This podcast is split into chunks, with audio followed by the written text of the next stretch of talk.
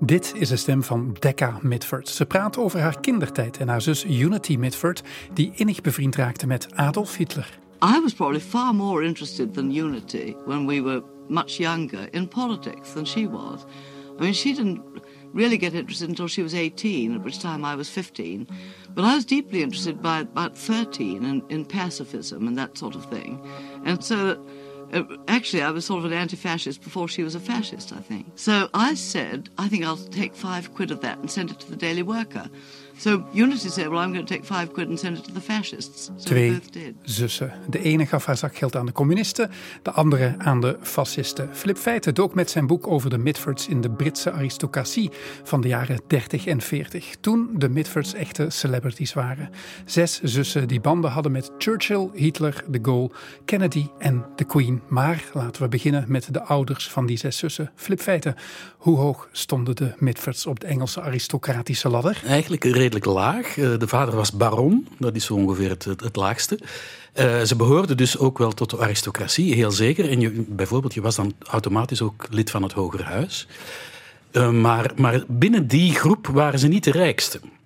En dat had vooral te maken met die vader, want die heeft de meest desastreuze uh, financiële beslissingen genomen. Uh, hij, hij, erfde een vermogen, maar dat is als sneeuw voor de zon gesmolten uh, in de loop van zijn leven. Het was ook een heel rare man. Britten zijn vaak excentriek. Hè? Maar hij was het in het kwadraat. Hij, hij was het in, in het kwadraat. Hij, hij, hij ik, enfin, ik heb een heel hoofdstuk aan hem besteed. En ook aan de moeder trouwens, om alles te kunnen vertellen hoe gek hij wel was. Hij was bijvoorbeeld, hij had verschrikkelijke woede-uitbarstingen. En om de meest rare redenen. Bijvoorbeeld, hij, kon er absoluut niet tegen dat er gemorst werd aan tafel. en dan uh, vloekte hij en uh, riep hij alles bij elkaar. Ook in een restaurant bijvoorbeeld. Als hij heel, uh, op het einde van zijn leven in de verte een klein kind kruimels zag morsen op tafel, dan riep hij alles bij elkaar. Daar kon hij absoluut niet tegen. Um, de ouders hadden ook een paar uh, merkwaardige opvoedingsprincipes. De good ja. body. Ja, de, de, moed, de moeder uh, geloofde totaal niet in artsen en medicijnen. Dus uh, kinderen kregen nooit medicijnen.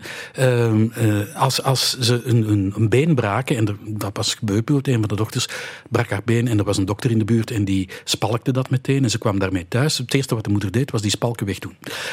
want de, de good body, het principe is, het, het lichaam herstelt zichzelf wel. En, en dat lukte vreemd genoeg ook. Want de, een van de dochters had, had een arm die gebroken was. En ze haalde die spalken eraf. En ze haalde daar een, een heel onorthodoxe, wat we nu zouden noemen, een osteopaat bij.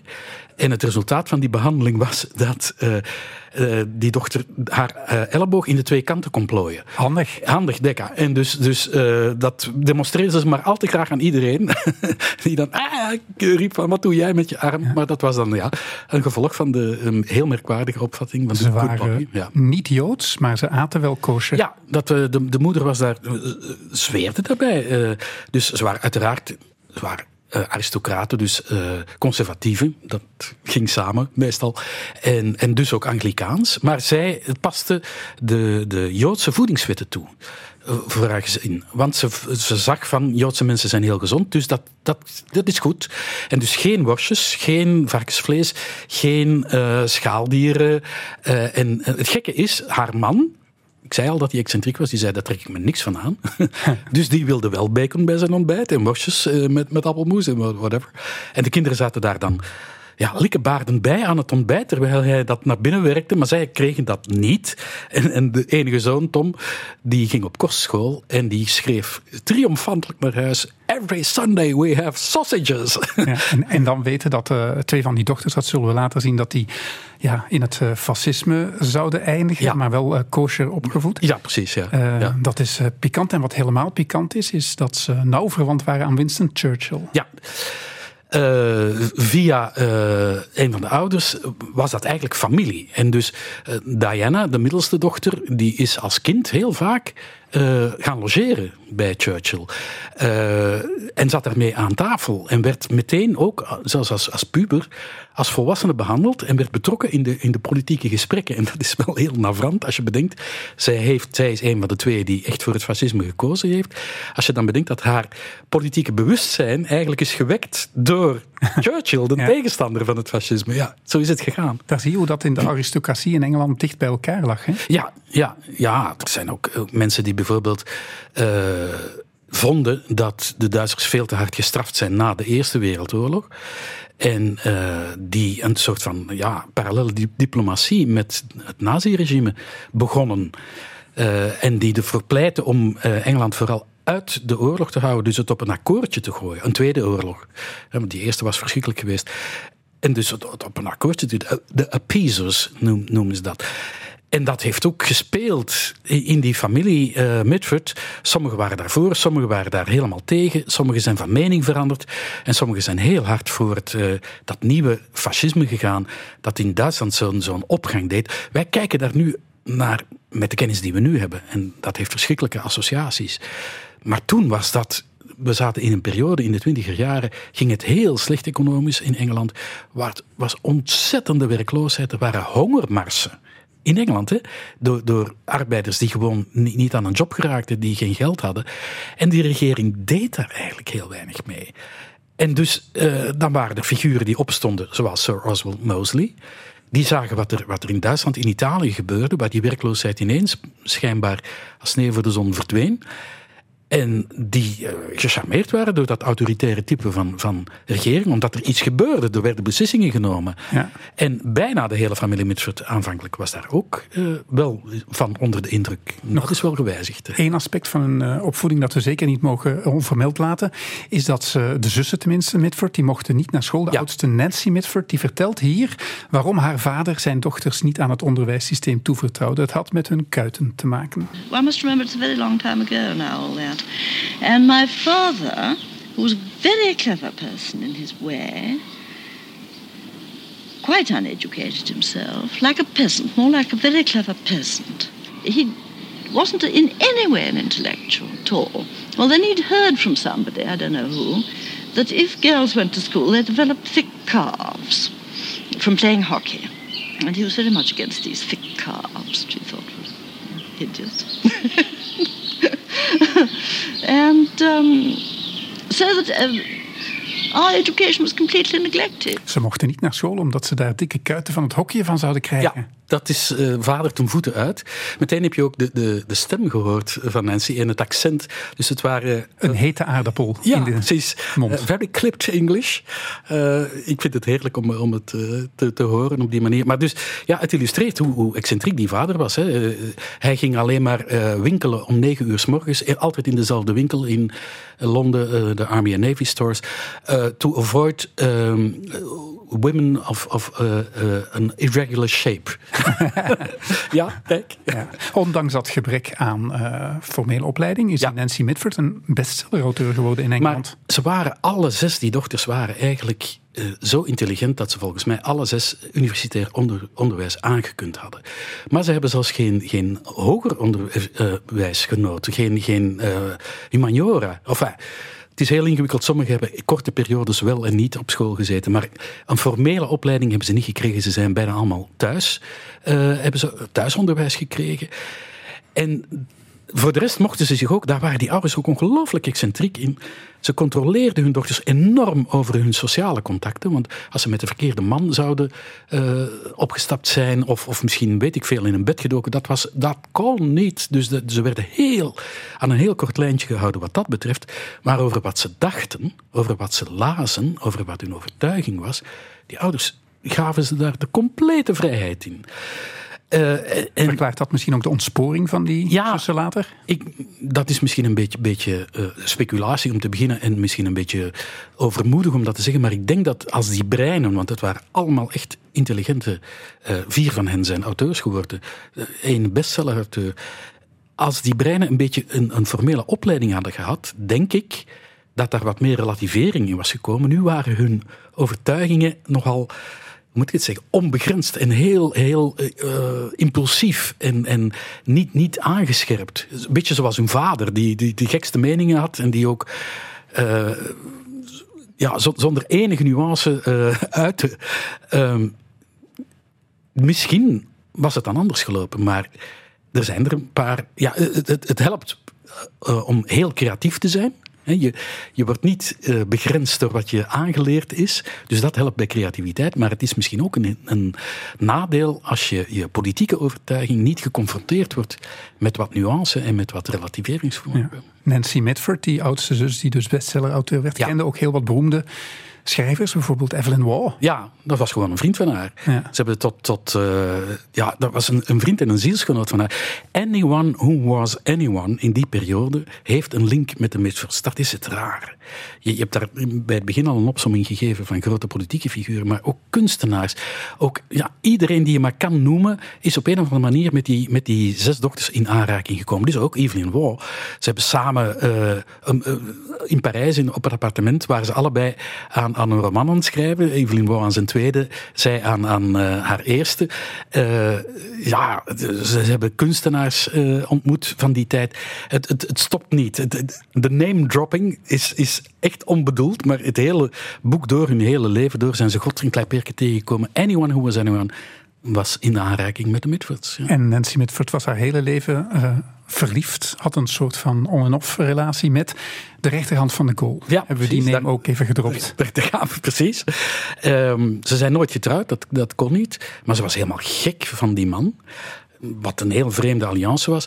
Uh, Gaston Palevski, echt de, de, de rechterhand van de Gaulle.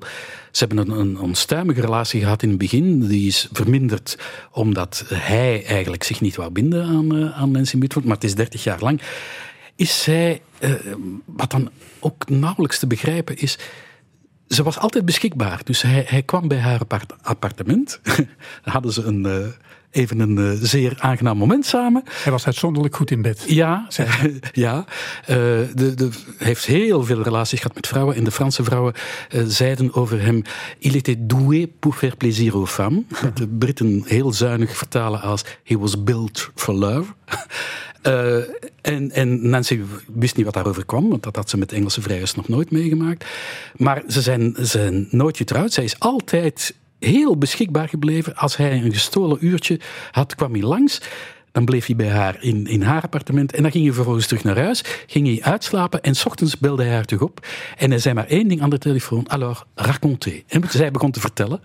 En dat, dus dat ging zo nog een uur voor hij naar zijn werk ging. En dat is zo jaren is dat uh, de verhouding tussen die twee geweest. Mitford, de waargebeurde geschiedenis van zes aristocratische Engelse zussen. die binnen één gezin alle tegenstellingen zouden symboliseren. Waardoor het vooroorlogs Europa verdeeld werd. Kon je je in alle zussen verplaatsen, behalve in Unity, Flip? Unity is de moeilijkste. Ze blijven allemaal een zekere graad van sympathie behouden, omdat ze zo excentriek en zo uh, vreemd zijn. Maar Unity is dus echt hals over kop voor uh, het nazisme gegaan. Niet alleen fascisme, maar nazisme, alles erop en eraan. Ook het antisemitisme heeft de meest afgrijzelijke dingen gezegd over Joden heeft uh, zich laten citeren in een lezersbrief als jodenhater heeft uh, op een bepaald moment ook een, een, via Hitler een appartement gekregen in München. Waarvan ze zei dat de, de, de, het Joodse koppel dat er woonde, na, tussen aanhalingstekens, naar het buitenland was gegaan. Ja, ik moet er geen tekening bij maken. Via Hitler zeg je? Want zij was een, we mogen zeggen, een groepie van Hitler. Ja. Ook al bestond dat woord toen waarschijnlijk nog niet. Nee, uh, zij, um, van in haar jeugd had ze een soort van competitie met, met een andere zus, Dekka, die dan voor het communisme is gegaan. En, maar in het begin was dat zoals jongens kunnen tegen elkaar uh, opbieden omdat ze voor verschillende voetbalploegen supporteren. Maar de ene werd zogezegd fascist en de andere werd zogezegd communist. Maar Unity is daar echt helemaal door, ja, ze was heel vatbaar voor, voor moet je dat zeggen? Groupie gedrag. En ze had in haar hoofd gestoken, ze was zo gecharmeerd door fascisme en door wat er in Duitsland gebeurde met die, die uh, speciale uh, rijkskanselier daar, die Hitler, dat ze dacht van, zoals denk ik groupies wel eens hun popidool willen ontmoeten, ik wil Hitler ontmoeten. En ze, heeft dat plan helemaal ten uitvoer gebracht. Ze kon dus nog geen woord Duits. Ze is Duits gaan studeren. Ze heeft daarvoor moeten vechten bij haar ouders. Enfin, dat is allemaal gelukt. En dan ging ze in München in een, in een restaurant zitten, wachten, uh, hopen dat hij langskwam maanden aan een stuk. En op de duur werd ze daar heel bedreven in om te weten wanneer hij langskwam. En dat lukte ook. Ze liet zich opmerken en uh, Hitler op de duur nodigde haar uit aan tafel, begon met haar te praten. Toen was ze helemaal... De brief die ze daarover naar haar uh, vader schrijft, is ze delirium. Wat zag hij eigenlijk in haar? Ja, ze was een, een heel lange, eh, mooie, uh, blonde vrouw met blauwe ogen. Dus eigenlijk het Aris ideaal. Uh, zij ja, gooide er alles uit zonder enige uh, reserve. En dat was hij niet gewoon, want mensen in, in zijn buurt waren heel voorzichtig over wat ze tegen Hitler zeiden, gingen niet met hem in discussie, want daar kon je leven van afhangen, letterlijk, als je hem uh, tegen de, de, de haren instreek. Maar zij niet, zij babbelde erover en ik denk dat hij dat heel verfrissend en, en interessant vond. En natuurlijk denk ik dat zijn inlichtingendiensten ook heel snel erachter zijn gekomen. Ten eerste dat het zij een schoonzus was van de, de fascistenleider van uh, Engeland, Sir Rosalind Mosley. Want dat zo later zien. Dat uh, later zien. En ten tweede natuurlijk dat ze familie was van Winston Churchill. Dus dat was misschien ook wel interessant voor hem. Ja, uh, maar ik denk ook gewoon dat die... Het is heel merkwaardig, ze hebben elkaar 140 keer ontmoet. Dus in de vier jaar voor het losbarsten van de Tweede Wereldoorlog is dat, moet je denken, om de tien dagen. Dat wordt heel weinig vermeld in biografieën van Hitler. Je moet eens gaan kijken in die index. De naam van uh, uh, Unity Midford komt daar zelden in voor. Maar dat is echt wel iemand geweest waar hij het voor had. Waar hij, ja, die hij een, een vriendinnetje noemde. Waar zijn humeur van verbeterde. Als ze elkaar tegenkwamen. Tot, tot grote consternatie van heel zijn uh, entourage. Waar hij cadeautjes voor kocht. Waar hij, uh, die hij uitnodigde bij hem, zelf, uh, bij hem thuis op zijn appartement. Waar hij de ziekenhuiskosten voor betaalde. Dus dat was wel iemand in zijn leven. Ja. Ik stoot op het internet ergens zelfs op een theorie dat zij een illegaal kind van Hitler ooit ja, maar je leest, je leest, hebben in Engeland. Nee, nee, ik, ik, Fake news. Ja, ik vermoed van wel. Ik, ik, er is echt niks. Uh, er wordt van alles verondersteld. Uh, ze zou, Unity zou ook sadomasochistische relaties hebben gehad met officieren, uh, nazi-officieren, waar ze dan over vertelden, over die orgietjes aan Hitler, die daarop zou aandringen. Enfin, je leest de meest outrageous verhalen daarover, dat lijkt me echt heel sterk. Ik kan natuurlijk, ik heb geen sluitend bewijs om te zeggen dat is niet zo, maar dat lijkt me echt een beetje met de haar getrokken. Unity was wel voorbestemd voor het nazisme, want ze is geboren in, ja, mag het zeggen? In swastika. daar is ze niet geboren, daar is ze verwekt. Uh, in Canada is dat, want haar vader uh, had altijd financiële problemen en uh, op een bepaald moment hoorde hij dat er goud in, ergens in de ondergrond zat in Canada. en dus heeft hij 16 hectare grond daar gekocht en is heel zijn leven is hij blijven proberen om daar in zijn eentje op goudaders uh, te stoten. dat is nooit gelukt. Ze waren bijna met de Titanic naar daar gevaren? Ja, ze hadden een ticket met de Titan voor de Titanic om daar naar te varen, maar toen kwam er iets tussen toevallig. Je kan het allemaal niet Ja, je valt echt van de ene verbazing in de andere. Ik had soms het gevoel dat die Midfirst, dat die, dat die allemaal samen, dat dat Forrest Gump was. Ja, ja. ik, ik zeg ook in het begin van, als je nu een een tv-serie zou willen schrijven en je wilt wat er gebeurd is in de jaren 20, 30, 40, 50 van de vorige eeuw, uh, daar allemaal um, via personages vertellen, dan zou dat het altijd ergens in de coulissen uitgelezen script zijn, precies. Uh, maar het is niet verzonnen. Het is allemaal echt gebeurd. Het is, ik kan het niet helpen. Het is echt gebeurd. Het liep uiteindelijk slecht af met Unity. Ja. Zij dacht dat zij de vriendschap tussen Groot-Brittannië en Nazi-Duitsland belichaamde. Dat was een beetje te hoog gegrepen. Zij dacht ook dat ze daar invloed op zou kunnen hebben. Zowel aan, aan Britse kant als aan uh, nazi-kant bij Hitler. Dat was niet zo. En dus op de dag dat Engeland uh, de oorlog verklaarde aan nazi-Duitsland, viel haar droom compleet uh, in, in duigen. En heeft ze dus een geweer tegen haar rechterslaap gezet, een, een pistool, en heeft ze dat afgeschoten. Ze was niet dood. Ze heeft nog acht jaar geleefd, maar wel met het brein van een twaalfjarige. Ja, nieuws dat destijds breed uitgemeten werd in de tabloids, want we zeiden het al. De Mitford-zussen hadden in een tijd celebrity-status. Zeker de scandaleuze zussen zoals Unity. Haar terugkeer haalde zelfs het bioscoopnieuws. Her mother and father saw her safely in and accompanied her to their home at High Wycombe. Reported to be wounded, Miss Mitford got home safely, Hitler having placed no obstacle in the way of her return. Hitler hielp het nichtje van zijn aartsrivaal Winston Churchill vlak na de oorlogsverklaring om terug naar huis te gaan. Ja, ja het is merkwaardig. Hij ja. heeft, uh, ze is naar Bern uh, vervoerd op een bepaald moment, daar in een ziekenhuis uh, opgenomen. Wel, heel dat traject, dat was met een, een ziekenhuis treinstel. Dus een soort van ambulance die je aan een trein kon haken. Zo'n wagon die ingericht was als ambulance. Heeft dat allemaal gefinancierd. Hij heeft uh, haar meubelen laten opslaan in München. Ook allemaal betaald door Hitler. Ja, Ja. Dus merkwaardig. Je zei het al, ze was de schoonzus van de Britse fascistenleider Oswald Mosley. Dat was via Diana. Ja, eh, haar, de zus die net één plaatje boven haar stond. Diana is nooit een nazi geweest, maar wel een fascist. Zij is, ja, ze, eerst was ze getrouwd. eh, ze was 19 of 18 zelfs. En toen trouwde ze met de erfgenaam van het Guinness-concern. Guinness, het, het eh, Ierse bier. Hè. Dus ze was steenrijk. Steenrijk, schat helemaal rijk, van de ene dag op de andere. Een, meisje van 18 die nergens naartoe kon zonder chaperone, werd ze van de ene dag op de andere puissant rijk, beschikking over vijf huizen. Enfin. En die man, schat van een man, liet ze zitten na drie jaar, omdat hij haar verveelde. Kan je dat voorstellen? Om een passionele relatie aan te gaan met de fascistenleider van Engeland, Sir Rosamund Mosley, die getrouwd was op dat moment. Dus ze werd zijn maîtresse. En, en ja, dat is weer zoiets van die Mitford-zussen. Ze, ze ging ervoor. Ja. Door roeien en ruiten. Dus ze was al... Die twee zouden wel trouwen uit- uiteindelijk. hè? Ja, uiteindelijk wel. Dus de, de echtgenote van eh, Mosley eh, is vrij snel overleden. En dan ja, was de, weg vrij om te trouwen, maar ze wilde dat niet bekendmaken. Om verschillende redenen die ik in het boek vermeld. Maar ze zijn getrouwd. Wie eh, gaf de oplossing om in het geheim te kunnen trouwen? Niemand minder dan Magda Goebbels. Dus ze zijn getrouwd in het appartement van Goebbels in Berlijn.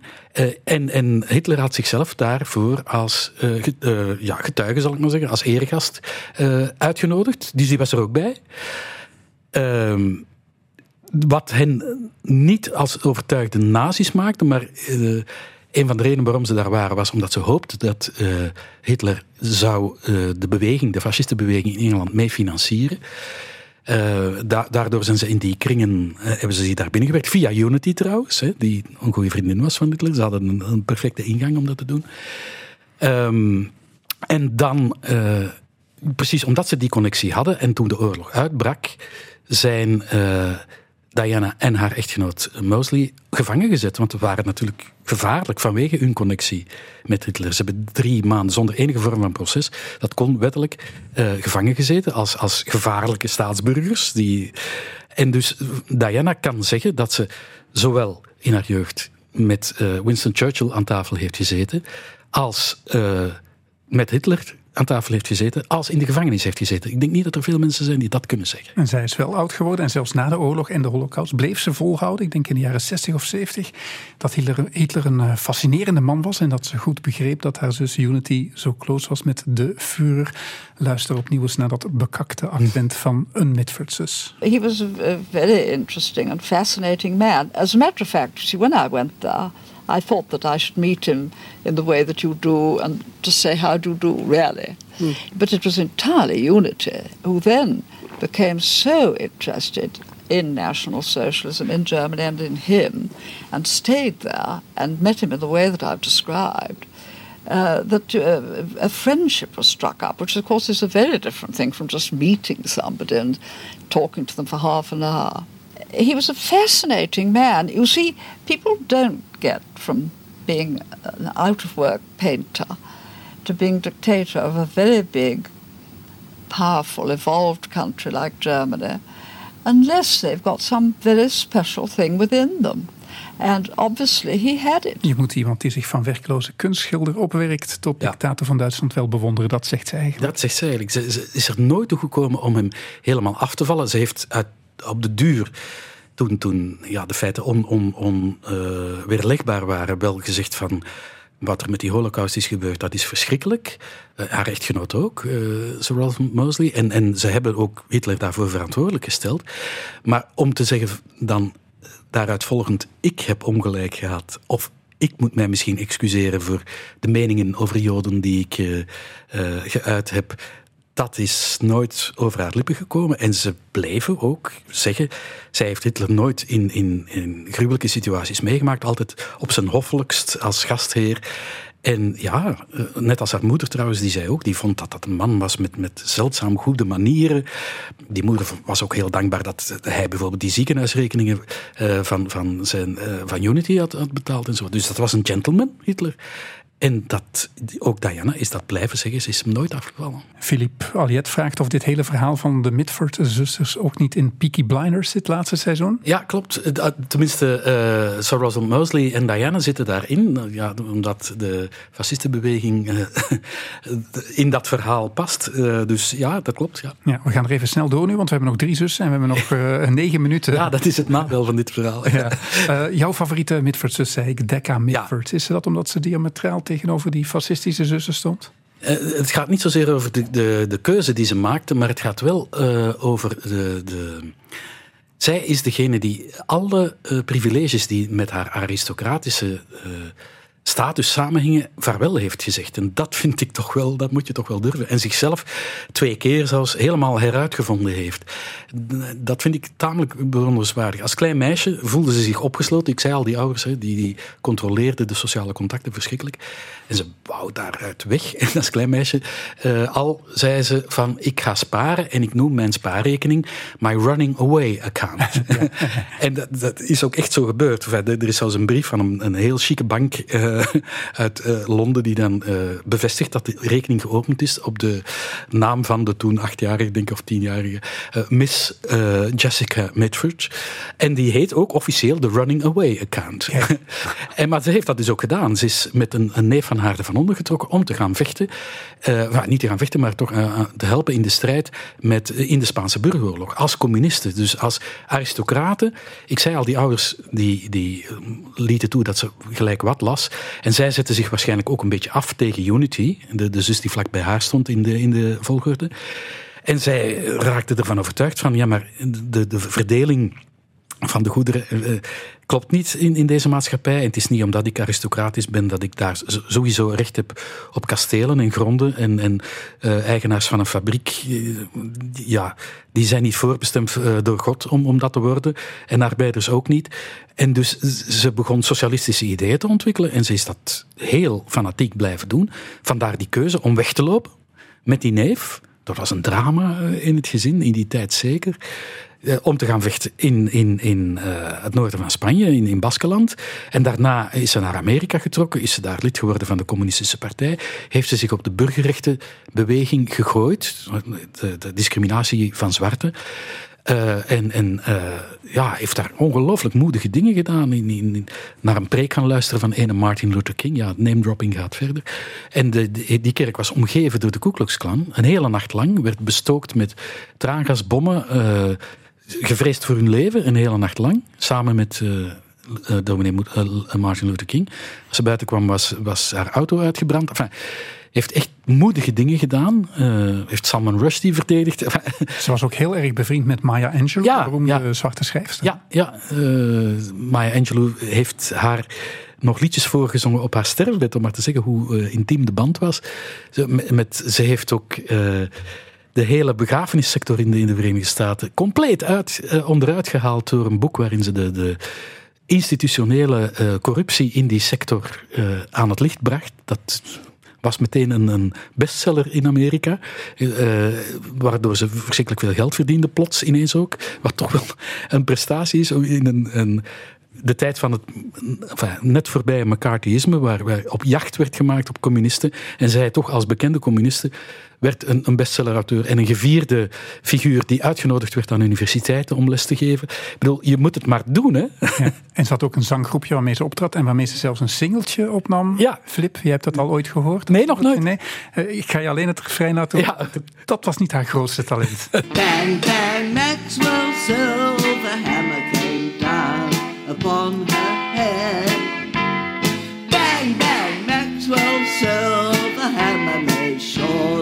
she dead. Dat moet volstaan. Ja, ja, ze zong trouwens samen met Maya Angelou. Maar ze heeft wel eens in het voorprogramma van Cindy Lauper gestaan. Toch wel. Op een Virgin Records store, op het dak van een Virgin Records store, ergens in Amerika. Dus, maar het was als gaat bedoeld hoor. Dit, uh... Heeft ze gebroken met haar familie eigenlijk? Ja, ja, ja, ja. ja, ja. En, en zeker, je kan denken hoe dat was. Haar eerste echtgenoot is gestorven in de oorlog. Uh, als... als uh, eh, was mee op een, een vlucht waarmee uh, de Britten Hamburg gingen bombarderen. Is uh, door, weliswaar door een defect, maar toch neergestort in, in de Noordzee, is omgekomen. Ja, die ging wel de vriendjes van Diana en van Unity bevechten. Hè. Dus ja. dat is eigenlijk, ze hebben elkaar nog gezien op het einde van hun leven, maar dat, helemaal goed is dat nooit gekomen. Hè. Die tegenstelling tussen Diana en, en Decca was te groot. Nog twee zussen Mitford die we ja. besproken hebben, die we het gaan hebben. Um, het zal heel kort moeten. Ja. Eerst even snel de eerste uh, introduceren. En dat doen we ook via Decca, die uh, zegt wat die zus wilde worden. Pam always wanted to be a horse when she was a child.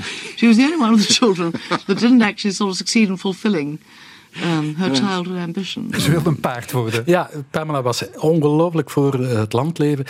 Pamela is de minst opvallende, heeft geen extreme politieke overtuigingen gehad, is getrouwd geweest met een heel excentrieke en, en rijke en, en speciale man, maar dat is een hoofdstuk apart.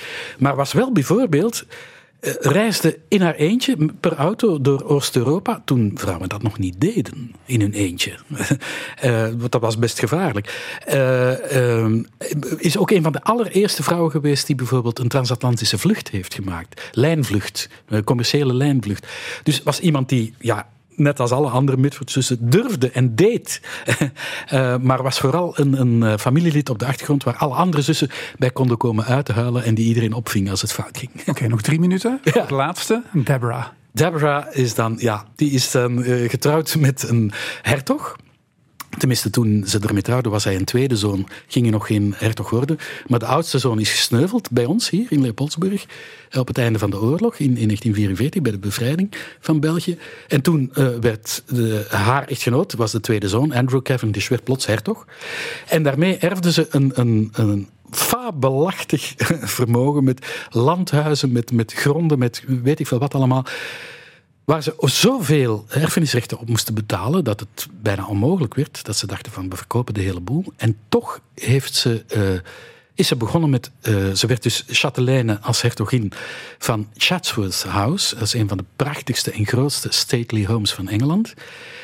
En, maar ze moesten dat onderhouden, dat was niet aan te beginnen. En ze, had geen enkele opleiding, eh, nog economisch, nog eh, cultureel, weet ik veel. En toch is ze met haar man die uitdaging aangegaan.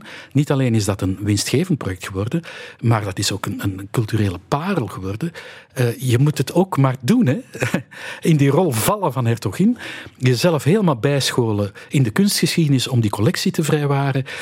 En, en van dat, die. die ja, die, die uh, met faillissement bedreigde uh, dat erfgoed op dat helemaal om te turnen tot een winstgevende onderneming. Doe het maar. Ja, de Queen kwam daar ook. Ja. Uh, Charles en Camilla waren op haar begrafenis. Ja, absoluut. Uh, they, they, loved her. De Queen heeft daar ook een, een, onderscheiding gegeven, omdat met de ervaring die ze had in het beheren van haar eigen kunstcollectie van Chatsworth House, heeft de Queen haar uitgenodigd om de Royal Collection, om daar beheerder van te worden. Moet je je voorstellen. En daar, dat deed ze dan zo goed dat ze er ook nog voor gedecoreerd is. Ja. Zonder enige opleiding, hè? is nooit naar school geweest. En Deborah Mitford was ook nog de schoonzus van John ja, F. Kennedy. Ja, door haar huwelijk werd ze ineens, ja, werd ze, dus, ze heeft eh, met Jack, zoals hij genoemd werd, ze, ze vond hem een hele goede danser. Ah, ja. ze heeft samen nog mee gedanst. Hun vader was toen ambassadeur, dat is lang voor hij uh, uh, president van de Verenigde Staten werd. Maar hij was toen een ambassadeur in Londen. Dus ze kwam Jack als zoon van de ambassadeur tegen in Londen. En ze danste ermee. He was very good at dancing. Ja, was je niet verbaasd dat het verhaal van die Mitfords tussen dat dat nog nooit in het Nederlands opgeschreven was? Er zijn uh, gedeeltelijke verhalen geweest, maar nooit zo. In, in het Engels taalgebied is dat heel bekend. Ik, ik kwam van de zomer een Australiër tegen. Die, ik vertelde hem waar ik mee bezig was, met welke boek ik aan het schrijven was. Die kon onmiddellijk een paar titels noemen van, van boeken van de zussen. Dus in, in het Anglo-Saxische gebied is dat common knowledge. Maar bij ons kennelijk niet. En mijn uitgever vroeg mij daarom van uh, wil jij dat verhaal niet in het, is in het Nederlands vertellen? En, ja, en die uitgever is, het gekomen. Ertsberg. En daar ja. uh, in dat boek staan al die uh, anekdotes die je nu net hebt verteld. En nog een heleboel meer. Ja. Ze liggen ook allemaal bij elkaar begraven, denk ik. Hè? Ja. De meeste wel. De meeste, de meeste bij, in Swinbrook. E eentje, Deborah, ligt op haar eigen landgoed. En dan is er nog eentje die elders ligt. Ja, in Amerika natuurlijk. Lekker. Het boek heet Medford. Zes zussen, twee oorlogen, één roemruchte familie. De schrijver Flipfeiten heeft duidelijk gesmuld bij het schrijven ervan. Bedankt dat je ons mee liet smullen. Flip, veel meer sappige Mitford-verhalen als u de smaak te pakken heeft. Smeerde Flipfeiten uit over bijna 300 bladzijden, verschenen bij uitgeverij Erzberg. A jolly good read, zouden de Mitfords zeggen.